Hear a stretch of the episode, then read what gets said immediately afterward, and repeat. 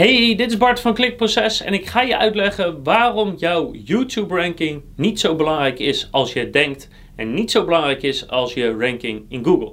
Dus als je bezig bent met YouTube en je wil zo goed mogelijk, zoveel mogelijk verkeer binnenhalen, dan ga ik je nu uitleggen waarom je niet blind moet staren op jouw positie van YouTube Search. Dus even voor de duidelijkheid, YouTube Search is als je YouTube opent, in de zoekbalk iets intikt en vervolgens de resultaten die je dan krijgt. En die ranking, die positie is minder belangrijk dan je denkt. Ten opzichte van bijvoorbeeld als iemand in Google zoekt. Nou, als je wil weten hoe jij scoort op bepaalde zoekwoorden, kan je natuurlijk gewoon zoeken op dat woord. Ik zou even incognito dat doen, dan heb je het redelijk goed. Of je kan gebruik maken van TubeBuddy, wat we ook in een andere video hebben laten zien. Dan ga je namelijk naar een video toe, je ziet hier een voorbeeld. Dan zie je de tags verschijnen, klik je erop en dan zie je de ranking van de video op dat woord. Dus dat zijn twee makkelijke manieren om te weten hoe jij rankt. Waarom die resultaten veel minder belangrijk zijn dan je denkt, is eigenlijk omdat YouTube en Google niet hetzelfde beestje zijn. Ja, als je via YouTube zoekt en als je via Google zoekt, krijg je hetzelfde idee, namelijk een aantal resultaten waar je op kan klikken.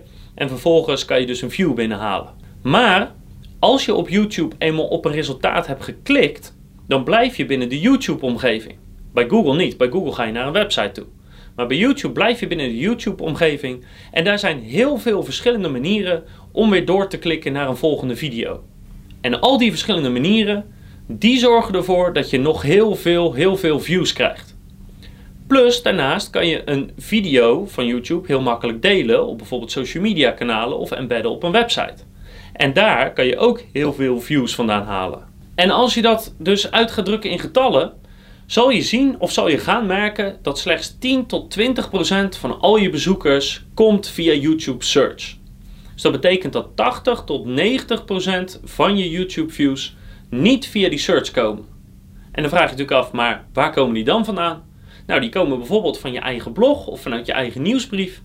Die komen vanuit je eigen kanaalpagina's, vanuit je afspeellijsten doordat jij een aanbevolen video bent bij iemand anders, of bij een andere video, of bij een andere video van jezelf.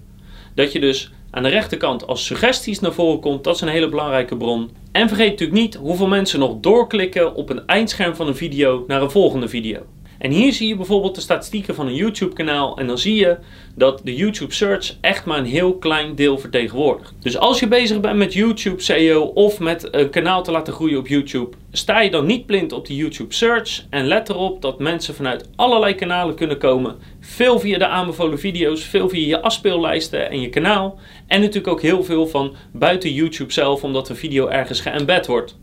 Dus zorg ervoor dat je op al die manieren ook goed vindbaar bent en dat helpt je kanaal om heel snel heel veel meer views te krijgen. Ik zou zeggen, zet hem op. En ik zie je natuurlijk graag weer terug met nog veel meer tips en tricks over YouTube, over SEO, over voice en over conversieoptimalisatie.